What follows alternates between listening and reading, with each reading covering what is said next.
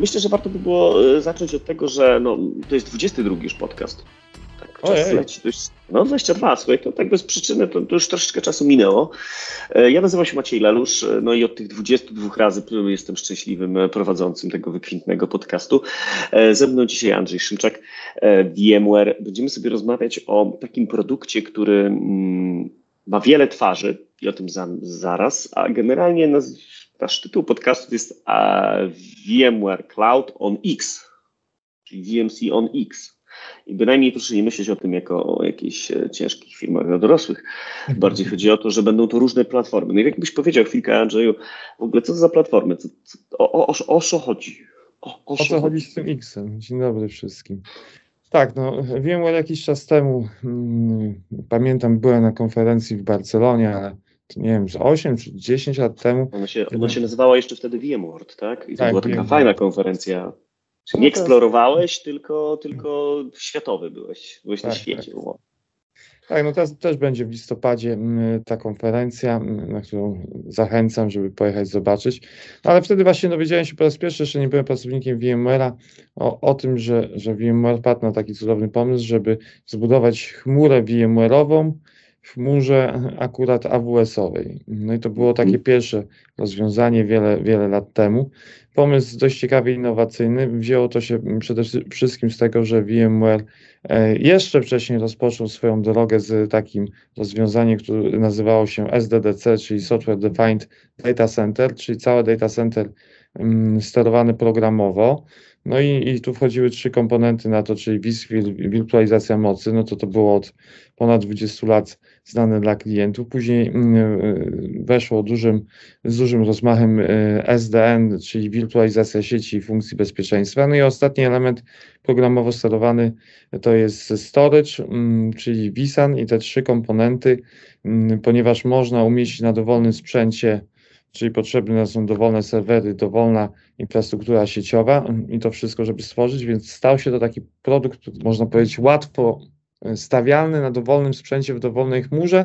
No ta przygoda rozpoczęła się e, w AWS-ie, no i była to taka pierwsza nasza chmura. No i później pokaże, pokazali się na horyzoncie też inni cloud operatorzy, ci duży, tak zwani hyperscalerzy, czyli IBM, e, SoftLayer. Później doszło następnie E, weszliśmy w to rozwiązanie z Microsoft Azure, e, z Googlem, więc w każdej tym, tej chmurze nazywa się to troszeczkę inaczej, ale jest zawsze ten sam zestaw oprogramowania, czyli vSphere, vSAN i NSX. E, no też w Oracle można to kupić, nasze rozwiązanie. No i dodatkowo też mamy takich lokalnych cloud operatorów, Czyli ty Maćku, jakbyś się chciał stać takim lokalnym cloud operatorem VMware'a, no to też mo możesz taką chmurę klientom dostarczać. Wiesz co, tak, natomiast jakby mi się wydaje, że te VMC jakby sensem stricte, jak tak się trochę w tym temacie e, rozeznawałem, to w, u hyperscalerów można by powiedzieć, że jest to kolokacja VMware'a, to znaczy dostajemy fizyczny sprzęt, który działa w osnowie data center danego hyperscalera, jest zarządzany z jednej strony jakby od strony takiej twardej infry, czyli prądów i innych tych zabezpieczeń przerośnie hyperscalera, od strony softu, czyli vSphere'a i tej części związanej z sieciówą, ze storage'em, o czym mówiłeś, od strony VMware'a i część już taka konsumencka, czyli konfiguracyjna, jest przekazana do nas jako użytkowników końcowych, tudzież dla klientów już takich finalnych, nie? I um, co ciekawe, jeszcze jeden jest y, dostawca hyperskalerowy, który może w Polsce nie jest tak bardzo popularny, ale też warto o nim powiedzieć, to jest Alibaba.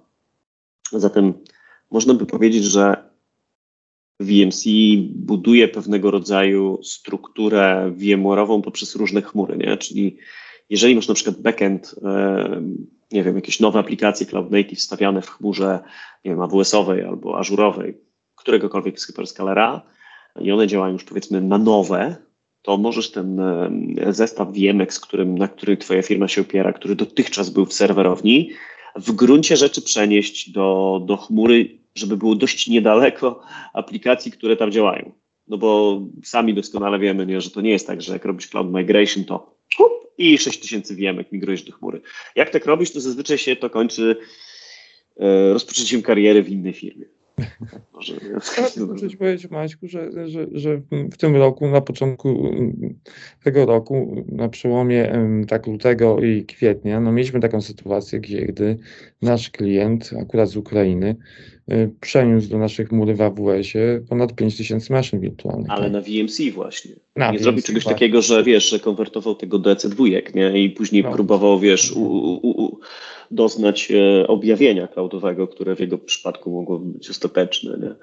Właśnie dlatego mówię, to taka mm, ciekawa forma onboardingu e, na rozwiązanie cloudowe, e, rozwiązań typowo VM-kowych, nie? które lepiej lub gorzej się konwertują do rozwiązań cloud native, a czasami w ogóle ich nie da się zrobić. Nie? Weźmy sobie jakiś soft na Delphi, nie? Jeszcze myślę, że warto powiedzieć o mm, danych, tak, no bo same mhm. wirtualne maszyny, czy też Kubernetes y, po stronie cloud operatora to niektórzy mi mówią, no tak, ale możemy sobie postawić u dowolnego dostawcy, wybrać właśnie to, co mówisz, EC2 czy jakąś inną formę, y, wirtualną maszynę i zrobić tam jakiś automat, który będzie coś tam instalował na tej wirtualnej maszynie. No i może to instalować na tej dowolnej maszynie w dowolnej chmurze. No i owszem, zgadza się, można tak zrobić, tak ale to tylko dotyczy maszyn wirtualnych, na których nie zapisujemy żadnych danych, czyli mhm. serwerach webowych czy serwerach aplikacyjnych, które nie przechowują dane. No bo jeżeli już mamy dane, no to później jeszcze musimy te dane, jak chcemy umieścić na chmurze, to musimy później je jakoś wyciągnąć i przeważnie koszt wyciągnięcia też jest jakiś z tej chmury. Więc y, tutaj mm, o tym nie rozmawialiśmy jeszcze, ale mamy taki komponent, y, który łączy chmurę y, naszą w AWS-ie na przykład z chmurą prywatną HCX, który rozciąga sieć w warstwie drugiej pomiędzy cloud operatora a nas, no i tą maszynę wirtualną online'owo można migrować z jednej strony na drugą, czyli te dane podążają praktycznie rzecz biorąc za operatorem, który sobie mówi, no dobra, chcę te 3000 maszyn wirtualnych mieć dzisiaj we Frankfurcie, a jutro chcę mieć e, gdzieś w Ameryce, tak? No i z naszej perspektywy tutaj polskiej kiedyś mi się wydawało, że mm, że takie migrowanie na odległości y, danych z całą konfiguracją, z bezpieczeństwem, no to cały komplet idzie, tak, no bo sieć jest za każdym razem powtarzalna. W Polsce będzie ten use case taki mało popularny, a ostatnio y, podbija y, serce naszych tutaj klientów ze względu na właśnie tą dużą mobilność i, i możliwość szybkiej relokowania nie dość, że całych aplikacji, no to jeszcze danych, które podążają za tą aplikacją. Także to jest no, taka unikatowa rzecz, no jeszcze warto wspomnieć o tych y, elementach związanych z nauką. No, większość korporacji w Polsce i firmy średniego y, zasięgu ma VMware'a i się na nim znają administratorzy. W związku z tym u takiego cloud operatora niedużo czasu zajmuje, żeby opanować i wdrożyć takie rozwiązanie i je konsumować, no bo dostajemy wszystko na tacy, gotowe rozwiązanie, jeżeli w konsoli u, u cloud operatora wyklikamy, że chcemy mieć 10 serwerów fizycznych z tym naszym całym stackiem, no to myślę, że po około dwóch godzinach u każdego cloud operatora będzie ta infrastruktura gotowa, czekała na nas. Po naszej stronie w ciągu godziny możemy doinstalować HCX-a, zostawić tunel pomiędzy chmurą prywatną a publiczną, no i mieć gotowe rozwiązanie, no i cieszyć się tą mobilnością. No tutaj warto teraz... wiesz, z jednej strony mobilność, nie, ale też z drugiej strony ten readiness, nie, bo mamy taką sytuację, w której um, nowy stos technologiczny wymaga nowej nauki, nie, i jeżeli przybijamy się przez hyperskalerów, nie, powiedzmy trzech, to wskaż mi takiego kozaka, nie, który w każdym z trzech operatorów jeszcze w on-premie nie, jest e, jest niezwykle, wiesz, wyrafinowanym specjalistą, nie? wysezonowanym specjalistą, może tak, nie? No bo to nie są takie same stosy technologiczne. One oczywiście mają podstawy te same, bo wszędzie działa sieć, czy w jakiś tam konkretny sposób, nie wiem, dane się odkładają też tak samo, nie? No ale to są tak głębokie podstawy, że ta cała nadbudowa, która powstała u tych e, dostawców cloudowych jest zdecydowanie większa. No i do czego zmierzam? Zmierzam do tego, że VPC to ważny w sumie jest, bo on daje taką sam, taki sam interfejs do używania go, jak było to konsumowane w on-premie. I według mnie to jest ogromna zaleta, bo zespoły mogą się dokwalifikowywać, ale nie muszą. To znaczy, i to jest chyba ważne, że mogą, nie? czyli jest czas na to, żeby spokojnie przeanalizować, sprawdzić, które elementy przenieść w Cloud Native, które robić refactoring, e, które po prostu usunąć. Nie? No, na te wszystkie rzeczy trzeba czasu, a jeżeli my będziemy gonić tego króliczka non-stop i kształcić się w kolejnych stosach technologicznych skrajnie skomplikowanych, no to stajemy się generalistami. Trudno powiedzieć, że jesteśmy już specjalistami, nie? Na świat potrzebuje specjalistów, jakby na to nie patrzeć, nie? A jeszcze do tej Twojej historii dodałbym część związaną z bezpieczeństwem. Jakże różne bezpieczeństwo jest i różnie realizowane u każdego cloud operatora i to stanowi też duży problem, no bo z jednej strony musimy wyszkolić e, kogoś, kto się zna na tych różnych cloud operatorach, co tam, jak skonfigurować daną aplikację, począwszy od deweloperów, a skończywszy e, na e, obsłudze, czy na operatorach i administratorach, no ale później też mamy dział bezpieczeństwa, który musi rozumieć, co tam się dzieje. No i tutaj też zaczynają się pewne schody, no bo bezpieczeństwo, jak sobie myśli, że ma u siebie w data center ileś tam rzeczy, y, no i myśli o tym pudełkach fizycznych, że ma te pudełka fizyczne i nagle sobie wyobraża, no ale jak ja te pudełka fizyczne wstawię tam do tego cloud operatora, tak? I to u każdego mm, inaczej. No i tu zaczynają się pewne trudności po stronie bezpieczeństwa i też tych specjalistów na rynku jest niedużo na ten moment. No tak, i jeszcze wiesz, dodatkowo poza tym, że jest ich niedużo, nie? To jeszcze dochodzi do tego e, fakt, że ci specjaliści porzucają to, z czego wyszli. To znaczy, jeżeli przechodzą w chmurę prywatną, publiczną, przepraszam, nie, któregoś konkretnego vendora, to odcinają sobie tę pępowinę, z której przyszli, nie?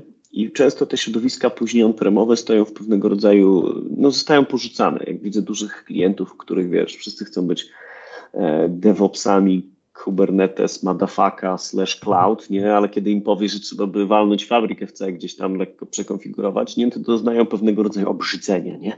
Och, te zmurszałe infrastruktury, nie? E, I, i to też jest ciekawe, bo, bo, bo to jest pewnego rodzaju wyjście z tego impasu. Z jednej strony pozwalasz ludziom się rozwijać tam, gdzie chcą, więc zostają z Twoją firmą, z Twoją instytucją, a z drugiej strony nie zabijasz e, jakby infrastruktury na siłę, która przynosi ci kasę. Nie, no bo przyjmijmy sobie, że jeżeli przez ostatnie 20 lat budowałeś aplikacje w on-premie nie, i one są zbudowane tam, czyli tam będą najlepiej działać, nie? zwyczajnie w świecie, po prostu no jakby wiesz, no to tam zostało zrobione.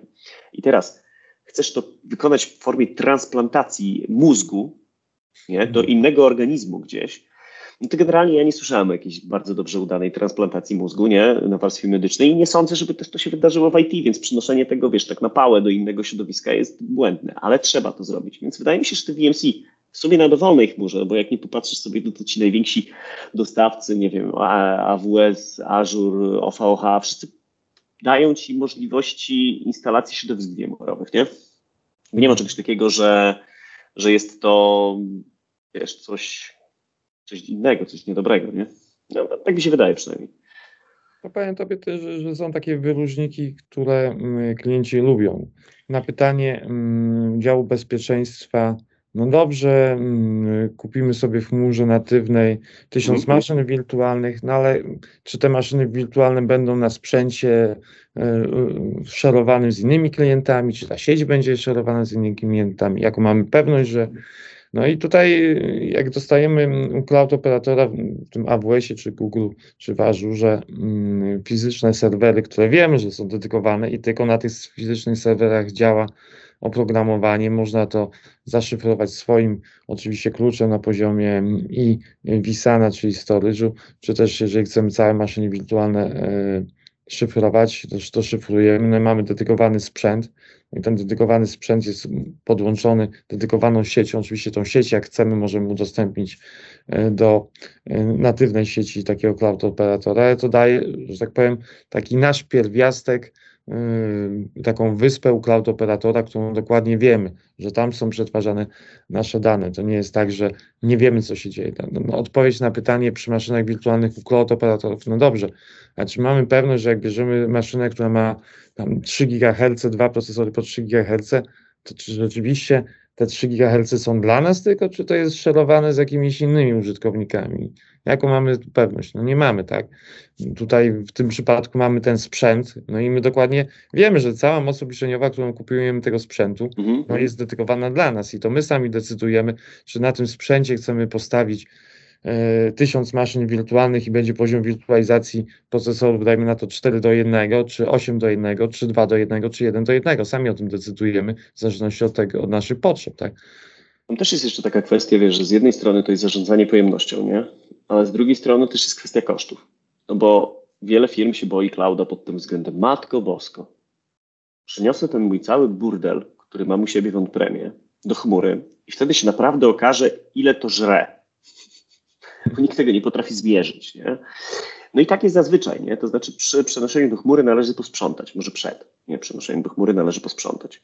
No ale też nie wszystko jest takie traceowalne, to znaczy nie do końca wiadomo, ile wszystko będzie żarło. Nie? Można sobie instalować softy do mierzenia tego ważenia, no ale to zawsze może być niespodzianka na końcu, nie?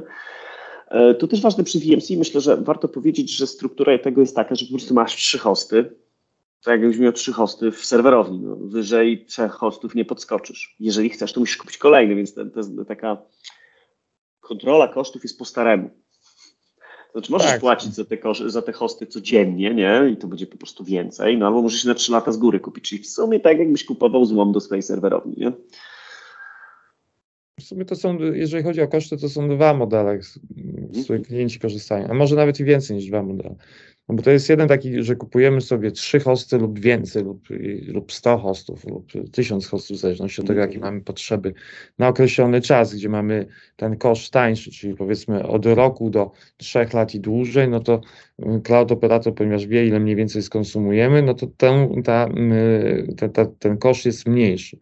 Inny model to jest taki, i też mamy takich klientów, który mówi, no ja tę infrastrukturę potrzebuję od 9 do 17. No i kto jakiś automat rano o, o 8 czy tam o 7 yy, naciska przycisk i to wszystko startuje, później z jakiegoś worka cloudowego, gdzie jest storage, migruje na storage wisanowy maszyny wirtualne, uruchamia na dziewiątą już e, użytkownicy korzystają, o godzinie 17 wyłącza to, to, całe środowisko, no i płaci tylko od 9 do 17 za, za, za, za użycie, tak? no to powoduje, że ten koszt jest drastycznie mniejszy, no bo jak patrzymy na dobę, no to tylko jedną trzecią doby konsumuje. No inny scenariusz to jest też związany z disaster recovery, czyli możemy sobie wyobrazić, że do takiego cloud operatora, do jakiegoś taniego worka storage'owego replikujemy nasze maszyny wirtualne online nowo, no i w momencie katastrofy wciskamy przycisk, po godzinie buduje nam się środowisko na serwerach fizycznych ze storage'em. Z tego właśnie storage'u, gdzie żeśmy przekopiowali, albo bezpośrednio uruchamiamy i robimy storage migration, albo na początku migrujemy z tego wolniejszego storage'a na ten nasz szybki wisanowy. No i po, po dwóch, trzech godzinach mamy y, odtworzenie się.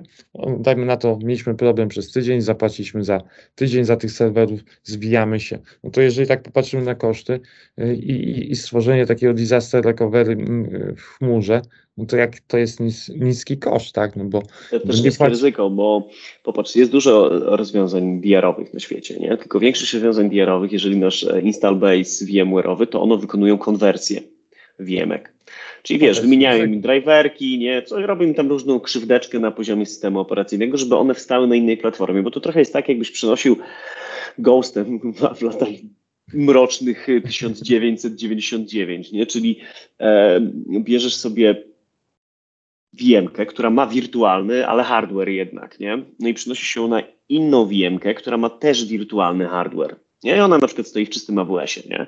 To są softy, jest ich dość sporo, które w międzyczasie robią, wiesz, dorzucają, wycinają drivery, wrzucają nowe drivery, no i sprawiają, że to ma szansę się uruchomić. Ma szansę, tak. Z doświadczenia wiem, że ta szansa no jest, sporo, wiesz, no 80% sukcesu, 90% sukcesu, tak, tylko tak. jak prawo Marfiego mówi, kurwa, no to te 10% sukcesu to będzie właśnie twoje Active Directory, ERP i...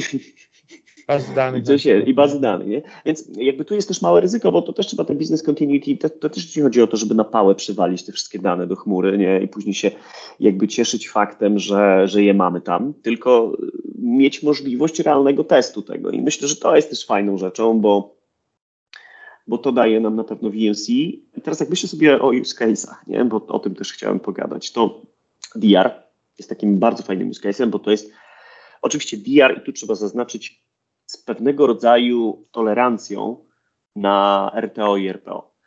Bo jeżeli zrobimy sobie, że chcemy odzyskiwać wszystko w godzinę ma działać, to ta infrastruktura VMC będzie działać non-stop. Nieważne u którego operatora. Jeżeli ustawimy sobie, że nasz system ma się zacząć działać po 8 godzinach, no to wiadomo, tak jak powiedziałeś, scenariusz, w którym trzymamy wszystko na wolnym storage'u, uruchamiamy on-demand y, platformę VMC i wrzucamy te dane, nie? I to trwa 8 godzin, VMki stoją. I to moim zdaniem jest super, bo dotychczas jak budowaliśmy DR-y w środowiskach on-premowych, to była druga taka sama infra. Nie? I, I wiesz, ludzie byli przyzwyczajeni na to, że dane już tam są, generalnie. Serwery to by, aha, od do roku nic nie robiły, no fajnie jak coś się, wiesz, tam przekręcą jakiś tam system. Natomiast w chmurze to pokazuje, że jak chcesz godzinę, to zapłacisz dużą bułę. A jak chcesz mniej, nie, to yy, mniej czasu jesteś gotowy na to, żeby, nie wiem, twój biznes stał po 6, 8, 7 godzinach, no to będziesz płacił za tego diara o wiele mniej. I, I, to jest, myślę, fajny use case. I jakie jeszcze use case widzisz takiego VMC na sensu stricte? Jeszcze do, tym, do tego scenariusza disaster recovery ja bym jeszcze jedną rzecz ważną y, zarzucił, czyli y, sieci adresację tych maszyn wirtualnych. Bo jak mówiłeś, że konwertujemy z jednej strony do drugiej, to przeważnie u cloud operatora mamy inną adresację. No, zdarza się, że maszyny wirtualne z aplikacją działają na zaszytych adresach IP, no i to wiem na, na, podstawie e, rozmów z klientami, że jeszcze się tak zdarza, że jakaś stara aplikacja, no i nie możemy jej zmienić adresu IP i z tym, z kim ona się komunikuje. No to tutaj mm -hmm. mamy pewność, że możemy odwzorować adresację u cloud operatora na rozwiązaniu VMware'a identyczną, jak mamy u siebie w data center. To, co po, to powoduje, że też mamy pewność, że te maszyny nie musimy zmieniać tych, tej adresacji, tylko to się uruchomi w identyczny sposób. Tak? E, także to jest y, przy tym disaster recovery nie tylko y, unikatowa taka mm, cecha y, tego naszego rozwiązania. No inne scenariusze, które ja bardzo lubię, zresztą też 10 lat temu promowałem w polskiej firmie, w której pracowałem, Niestety nie byli oni jeszcze wtedy gotowi na, na, taki scenariusz, a ten scenariusz to się nazywa Capacity on Demand albo pojemność na żądanie, czyli mamy jakieś piki przetwarzania no i, chcemy się szybko mm, wyskalować. Albo przychodzi nam nowy projekt i mówi, no mm, potrzebujemy kolejnych 8 serwerów y, z wirtualizacją fizycznych, bo będziemy mieli duży projekt i potrzebujemy to już, bo jak tego nie zrobimy, mm, no to stracimy na, na konkurencyjności, no i nie, nie zarobimy kolejnych 50 milionów złotych, tak?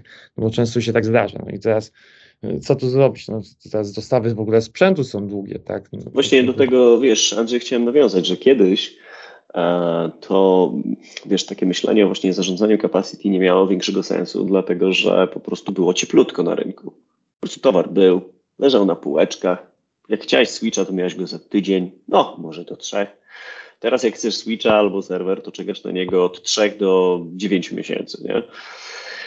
No więc to samo życie sprawiło, że capacity on demand stało się całkiem ciekawym use case'em, nie? No bo po prostu nie ma tego capacity na rynku, nie? A jak jest, to, to są jakieś takie rzeczy, które trochę do końca to mogą ci nie pasować, nie? To tak jak samochód z salonu, ten, który stoi w salonie, nie?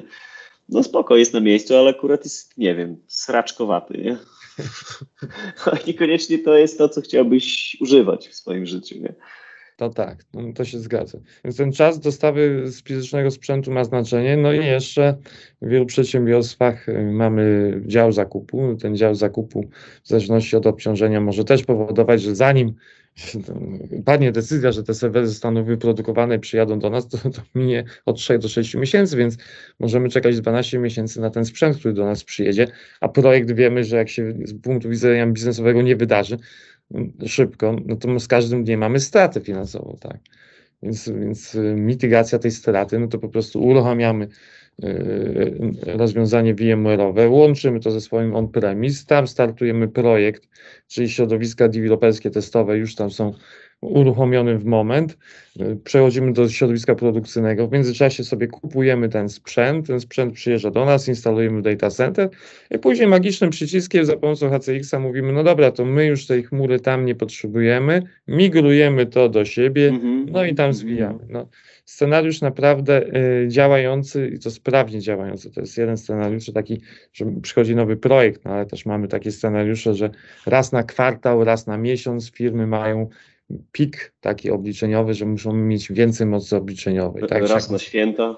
Raz na święta kampanie marketingowe różne urządzają. No i co wtedy, tak? No co wtedy, jak tu się wyskalować? I tu też możemy wtedy podejmować decyzje. Tutaj koleżanka mi opowiadała taki case, jej klient nasz, gdzie e, firma sprzedająca obuwie przez internet zrobiła kampanię marketingową, promocję jakąś tam, że, że będzie mega wyprzedaż.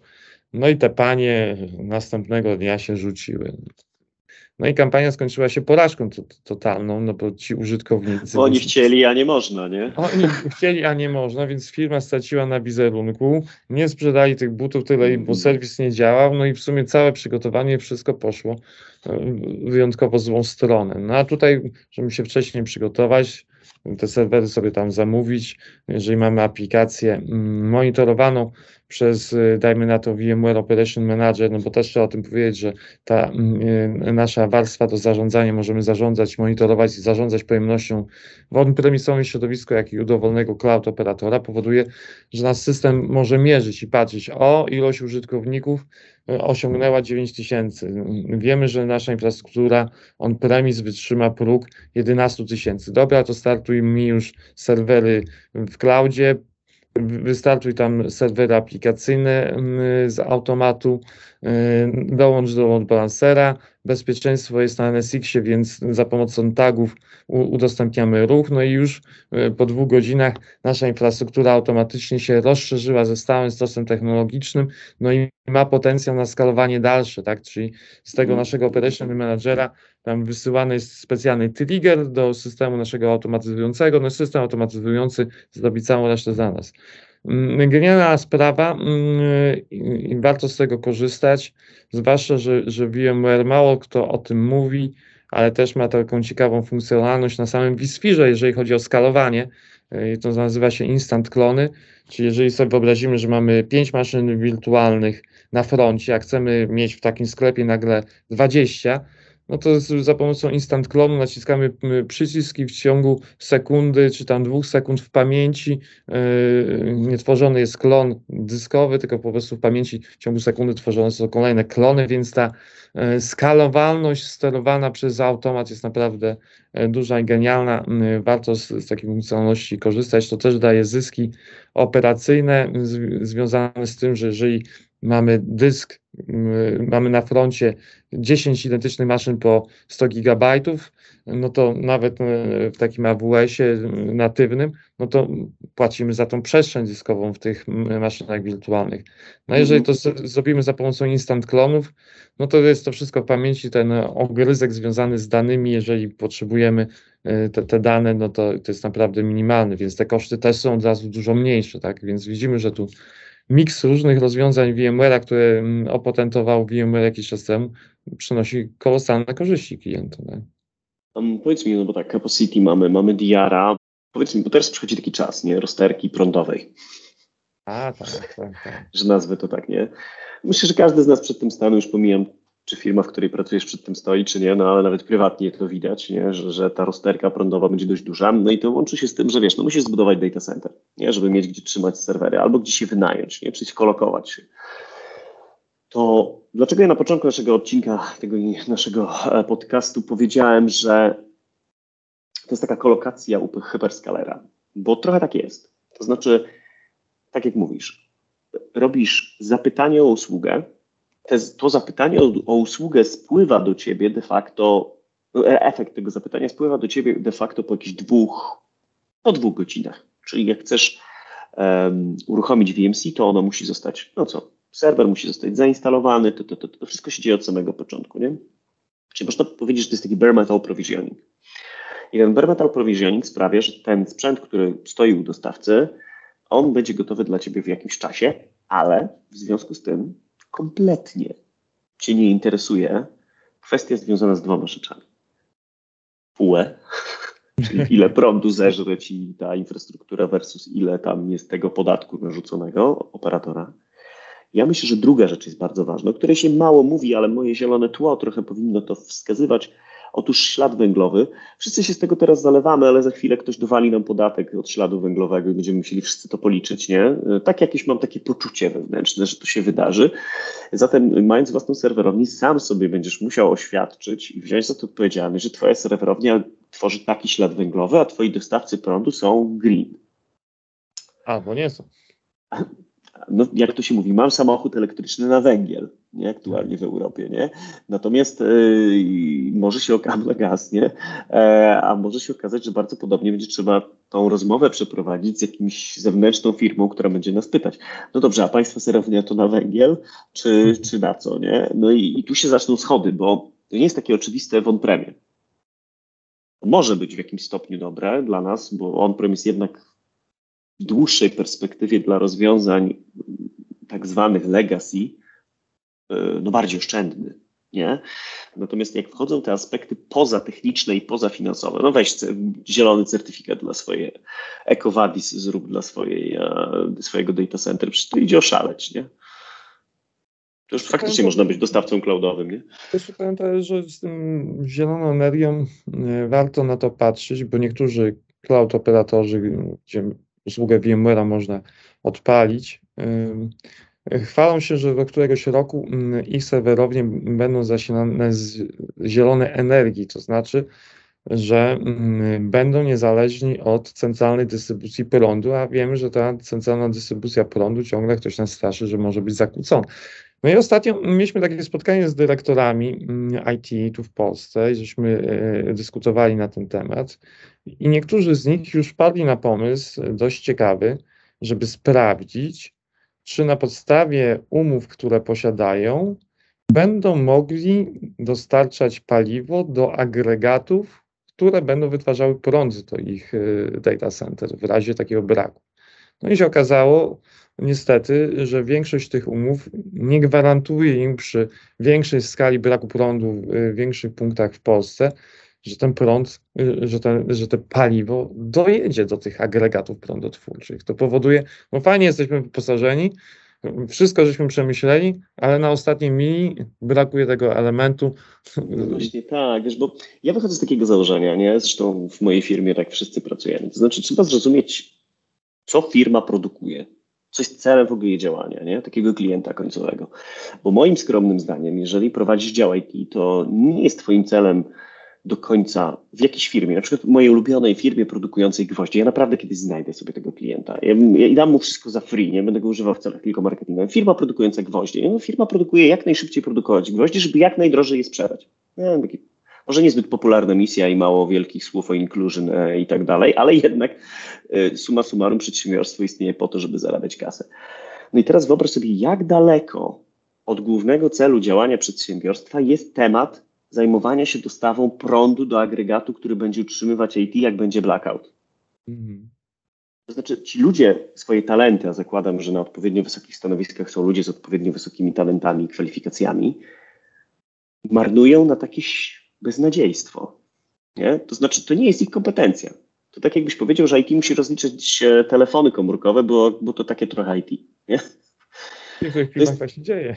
Oczywiście, ale ja tylko e, kwestionuję to, czy to ma sens. Nie? To znaczy, czy ty jako osoba, która mogłaby dać dużo wartości dla firmy, czyli sprawić, że procesy będą działać szybciej, będziecie szybciej produkować gwoździe, ona musi siedzieć i audytować swoje umowy do serwerowni, której w sumie nie do końca potrzebuje, bo się zajmuje produkcją gwoździa, a nie robieniem IT, nie? na dostawę paliwa w czasach kryzysu. Hmm. No i rozumiesz mój tok myślowy, że tutaj tak. wydaje mi się, że idziemy czasami taką ślepą uliczkę. To znaczy, kiedyś tak trzeba było robić, bo nie było innych rozwiązań. No tak, tak, właśnie do tego dążę, że, że, że niektórzy nasi jeszcze klienci nie są świadomi takiego rozwiązania jak proponujemy u cloud operatorów i nie są świadomi, że ci cloud operatorzy będą zasilani, no bo mają energię niedystrybuowaną centralnie, w związku z tym ten i problem jest automatycznie rozwiązywalny. mają tak. dograne umowy na agregaty, nie? bo to jest generalnie ich praca. Nie? Ich pracą jest zapewnienie ciągłości działania klientów, którzy się u nich produkują. To, to jest ich główny biznes. Czyli, a my produkujemy gwoździe, a typy zapewniają no, infrastrukturę. No jakby podejrzewam, że trudno być tak dobrze zorganizowanym data center jak u któregokolwiek superscalera za własny budżet. No, trudno. Nie mówię, że to jest niemożliwe, ale jest to trudne i powiedzmy wymaga bardzo wymaga głębokiego zastanowienia się, po co my robimy swój biznes, nie? To, o czym właśnie dzisiaj rozmawialiśmy. Dobra, to mamy te kilka use case'ów. Ten green use case też mnie wiesz, zawsze... Taki, tak wiesz, use case no? związany z ewakuacją, ja bym poruszył, no bo do Myślę, że od pół roku jest dość aktualny, nie? I dość taki ob, objawił nam się, nie? No wcześniej, wcześniej mi koleżanka opowiadała, jak to w innych częściach świata yy, działało i yy, mamy takie części świata, gdzie cyklicznie e, w różnych okresach są tajfuny z powodziami. No i mieli takich klientów, którzy właśnie za pomocą tej naszej usługi e, migrowali się kilka tysięcy kilometrów dalej, czyli wiedzieli, że na tym obszarze w przeciągu dwóch tygodni mogą wystąpić albo zbliżać jakiś huragan. W związku z tym naciskali przycisk, ewakuowali te swoje maszyny wirtualne z danymi gdzieś kilka tysięcy kilometrów dalej, Tajfun przeszedł, serwerownia przetrwała albo została e, e, naprawiona, jeżeli były mm, jakieś uszkodzenia. No i później naciskają magiczny przycisk do praca do siebie. Więc ta ewakuacja kiedyś trochę inaczej wyglądała z innej przyczyny, bardziej takiej środowiskowej. No a tutaj mieliśmy za wschodnią granicą naszą ewakuację związaną z tym, że ich data center może mhm. za pomocą też jednego przycisku e, przestać istnieć. No i, i, i, musieli coś na to zaradzić, tak? No bo wiadomo, jak firma straci dane, no, to nie istnieje tak we współczesnym świecie, tak. No i ta, ta ewakuacja, tak jak mówiłem na początku, w przypadku jednego z największych banków e, na Ukrainie, mm, no nastąpiła w przeciągu e, bodajże 41 dni, tak, do naszego rozwiązania chmurze publicznej.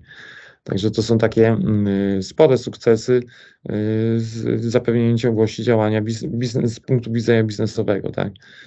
No ale teraz jakbyśmy sobie pomyśleli, no jakby to mogli działać, gdyby sobie wymyślili, no dobra, to no słuchajcie, mm, Polska jest fajnym jeszcze krajem ościennym, to mm, zbudujmy tutaj w Polsce data center, y, przeanalizujmy to, w którym miejscu to zbudować, później kupmy serwery, zainstalujmy to, to wszystko, no i już za, za 4 lata będziemy gotowi na tą ewakuację. Tak? No taki mamy. Dokładnie, a Typhoon, Typhoon, Typhoon już szedł, nie? czyli już, to już nie było tak, że, że to dopiero uderzy, tylko to uderzyło w tym akurat przypadku, to, to dokładnie tak.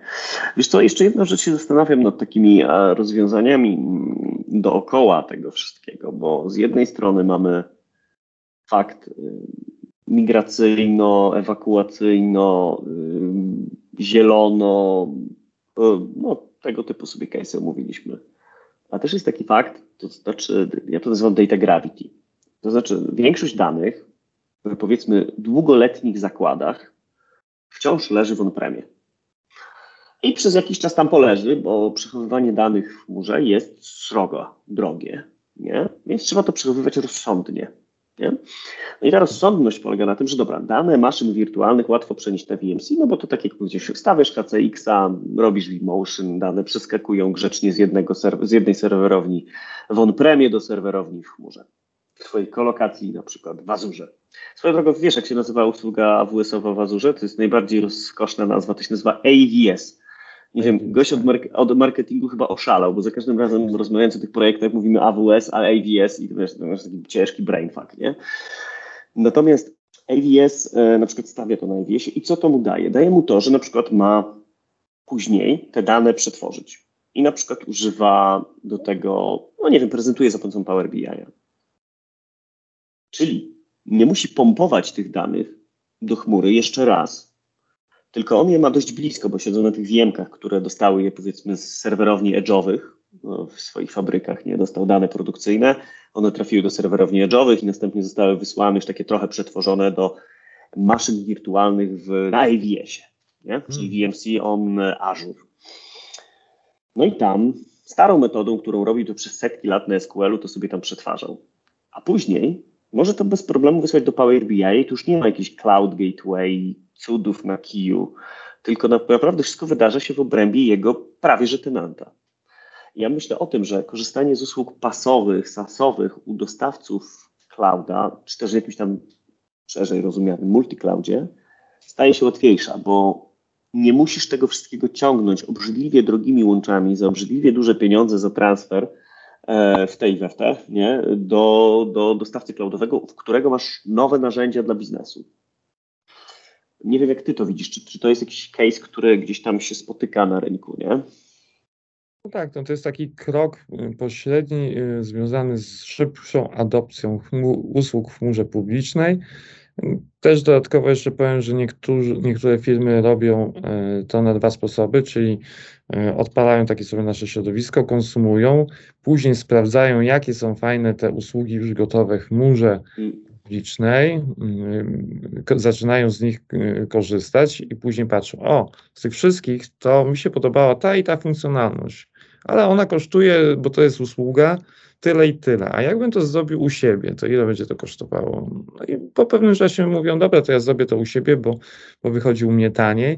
No ale mają mhm. ten, tą szybkość, tak? Szybkość, że, że te usługi są już w chmurze publicznej blisko nas, tak? No bo my już tam jesteśmy też w tej chmurze publicznej, w tym jednym tenancie, a później zdecydujemy, które usługi nam się podobają, jaki jest tego koszt i na tej podstawie decydujemy, czy przenieść to na te na, natywne, na te maszyny wirtualne w chmurze naszej i później zmigrować, jeżeli jest taki sens, albo, albo nie. I dodam jeszcze taką jedną ciekawą rzecz o kosztach związanych, no bo wiadomo, pompowywanie danych do chmury publicznej jest y, bezkosztowe, ale wypompowywanie kosztuje.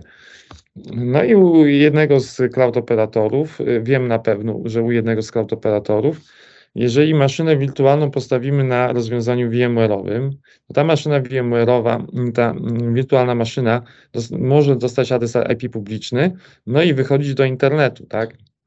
E, no i ten koszt wyjścia do internetu, tego całego naszego środowiska, tych wszystkich maszyn, mamy, dajmy na tysiąc maszyn wirtualnych i one mają interfejs wystawiony do internetu, dostają tam adres IP za darmo i tak dalej, i tak dalej. To my możemy za pomocą tych maszyn wirtualnych transferować do siebie z chmury publicznej dane, nie ponosząc żadnej opłaty. To jest hmm. też takim ciekawym spojrzeniem. Czyli możemy sobie wyobrazić, mamy dużo danych w chmurze natywnej, tak? Te dane za darmo transferujemy na maszyny wirtualne w usłudze, e, dajmy na to Google'a, tak, czyli mhm. CVE. Tam transferujemy te dane, nie patrząc nic. A później jak już mamy je na tej naszej maszynie wirtualnej na usłudze VMware'owej w Google, stamtąd przez internet transferujemy do siebie za, za, za. A powiedz mi, bo tak wiesz, zawsze się nad tym zastanawiałem, w sumie kilka razy o tym rozmawiałem z ludźmi, ale nie sądzisz, że takie tańca, tańczenie z diabłem w postaci hyperskalerów VMware'a, który ma największy install base w on-premie, jest ryzykowne? No bo w gruncie rzeczy ładujesz wszystko do chmury AWS-owej albo ażurowej, nie? Co masz. Czyli jakby VMware traci taką taki, taką zaletę, którą miał od wielu lat, że ma jeden z największych install base'ów w on-premie, gdzie jest najwięcej na razie jednak infrastruktur, nie? Mhm. Ładujesz to wszystko do Azure albo AWS albo VH, a klient nagle się orientuje, no to w sumie po co mi ten e, VMware, nie? W in, in the long term, jak to się mówi, nie? Mhm. E, no to może się już wszystko przełączę do tego wybranego dostawcy cloudowego. Czy widzisz tutaj jakieś takie zagrożenie, czy jakoś to adresujecie wewnętrznie?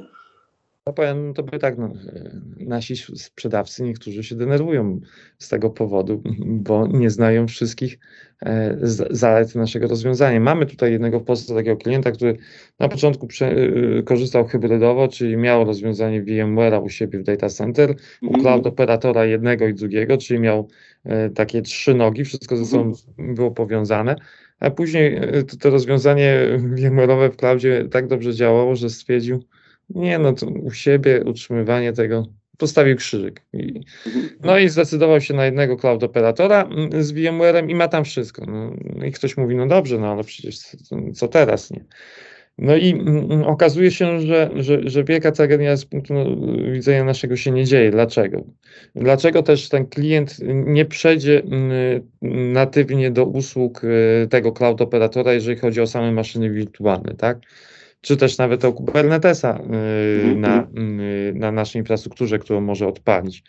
bo jak sobie policzę koszty, jaki jest koszt na przykład tysiąca maszyn wirtualnych o takiej wydajności, o takim szybkim storage'u, no bo y, pod spodem jest storage, dajmy na to NVMe, o, o olbrzymiej wydajności, jakby to miał zapłacić w natywnym, u natywnego, no to okazuje się, że za, natywne, za natywny tysiąc maszyn wirtualnych o takiej wydajności, pojemności dyskowej, no to trzeba zapłacić nie takie pieniądze jak za tą usługę VMware'a, tak? Więc tu pod względem kosztów to się słabo spina. No i dodatkowo mm, VMware ma tą unikatową rzecz, czyli ma te narzędzia właśnie do automatyzacji, do monitorowania, do zarządzania logami i tak dalej. Ci wszyscy cloud operatorzy tworzą podobne oprogramowanie, ale na dzień dzisiejszy to oprogramowanie jest w stanie takim dziecięcym, czyli widzimy, że coś tam jest, no ale jakbyś zobaczył to takie mm, E, jak ja na to patrzę, to mówię, kurczę, te, te wasze narzędzia cloud operatora natywne do monitorowania to takie e, grafika jak w Atari, nie? E, w latach 90. czy tam 80. versus takie narzędzia dojrzałe do zarządzania tym wszystkim. Więc tutaj też jest taka różnica. Dodatkowo jeszcze mało kto o tym wie, że VMware jest numer jeden dostawcą rozwiązania SD-WAN. E, czy jeżeli spojrzymy na rynek, w Gartnerze od wielu lat VMware jest, jest liderem, tak, numer jeden. Ta cała reszta firm sieciowych jest daleko, daleko za. No, tego przyczyna jest prosta, że te firmy po prostu e, miały sieciówkę wymyśloną 20-40 lat temu niektóre, no i do tej sieciówki e, dokleiły elementy SD-WAN-u. No, no, w VMware akurat to zrobiliśmy inaczej, czyli Czyli firma od początku zaprojektowała ten SD-WAN i ten SD-WAN, te edge, czyli te punkty, do których można się dokleić, to u każdego też cloud operatora mamy te edge. Czyli wyobraź sobie, mamy z jednej strony te usługi nasze mm, odpalone w chmurze y, Google'owej czy tam Azure'owej, VMware'a, mamy tam też edge'a, no i teraz w jaki sposób nasi użytkownicy mają y, y, korzystać z tego wydajnie i szybko, tak? No dokupujemy tego SD-WANa, i ten mhm. SD-WAN daje nam możliwość, że nasi użytkownicy łączą się, jest ten tunel zapijany i dbana jest o jakość aż do tego cloud operatora i tam z tej e, usługi natywnie, e, z tej usługi korzystają. Także tu ten scenariusz, że tak powiem, dookoła jest dużo większy niż nam się wydaje, że to jest tylko zbudowana po stronie VMware'a, tylko chmura e, VMware'owa w chmurze publicznej. Po prostu tych dookoła narzędzi i rozwiązań jest dużo więcej. Tak samo jeżeli spojrzymy na bezpieczeństwo, na właśnie elementy związane z nowoczesnymi aplikacjami. VMware teraz też tutaj daje dla deweloperów narzędzia, że programujesz sobie swój kod, integrujemy go, naciskasz Enter, budujemy gotową aplikację i tą gotową aplikację sobie możesz osadzić na dowolnej chmurze, czyli też jesteś oderwany od tego, że, że, że musisz produkować ten software w jednym miejscu, no bo Znam też takich programistów i też mi mówią dyrektorzy, że przychodzi do nich programista, mówi, no chętnie bym się u was zatrudnił, są dogadania, a się pyta, a na jakich chmurze wy to mm, działacie? No i ktoś mówi, no na Google działamy. A nie, jestem specjalistą od programowania na Azurze, to ja dziękuję za tą pracę. No, to no tak, ale to, to, to, to jest właśnie to, o czym mówiłem na początku, że wiesz, że y, ludzie mogą, ale czasami nie chcą się przekwalifikować, nie? I jeszcze tak na koniec naszego dzisiejszego spotkania, bo mm, myślę, że te case'y, które poruszyliśmy, były bardzo ciekawe. A jakie największe widzisz tych projektów, widzicie jako VMware, e, projektów typu VMC, e, w których sektorach rynku? No powiem Ci, że w bankowości, oczywiście w mhm. finansach, mhm.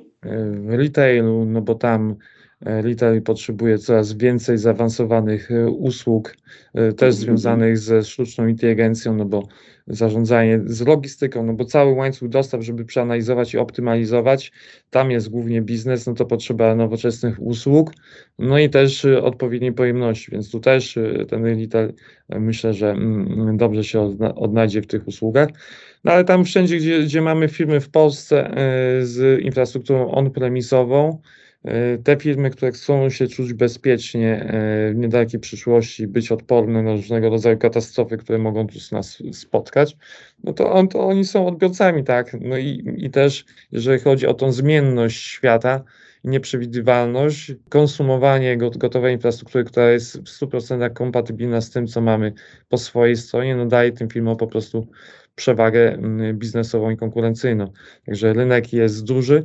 No i tutaj, jak rozmawiamy z firmami w Polsce, no to kiedyś y, była taka rozmowa o disaster recovery w chmurze, na przykład albo capacity on demand, albo inny scenariusz, to mówi, nie, nie, bo my tu mamy jedną serwerownię po jednej stronie Wisły, drugą po drugiej stronie Wisły i to nam pasuje. I teraz do tych samych firm y, chodzimy i to opowiadamy, oni mówią, nie, nie, nie, to nas nie interesuje, żeby y, Google, Azure otworzył serwerownię tutaj w Warszawie, to nas nie interesuje, żeby ta serwerownia z tą waszą usługą była tu w Warszawie nam zależy na tym, żeby ona była we Frankfurcie czy gdzieś tu w Niemczech, tak? Nie chcemy jej tu. No, tak. no i to no jest tak, taki. Tak. Wisła już nie jest takim problemem. Tak, Wisła już nie jest lewa i prawa strona Wisły już wcale nie wydaje się takim dużym, dużą przeszkodą, nie? No dobrze, słuchaj, bardzo Ci dziękuję Andrzej. E, to był bardzo fajny odcinek. E, dzięki za te case. No i mam nadzieję, że zainteresujemy, e, zainteresujemy ludzi sprawdzaniem różnych technologii. Ja myślę, że to jest kluczem tego podcastu, żebyście sprawdzali różne technologie, co jest na rynku dostępne przez pryzmat swoich potrzeb i też cały czas zachęcam do tego, żeby się bardzo mocno zastanowić nad tym, czy wasza firma robi IT, czy wasza firma produkuje gwoździe. Nie? I co jest naprawdę ważne. Słuchajcie, bardzo dziękuję. E, to był 22 odcinek Leocastu. Maciej Lelusz i Andrzej Szymczak. Dziękujemy pięknie. Dziękujemy. Do usłyszenia.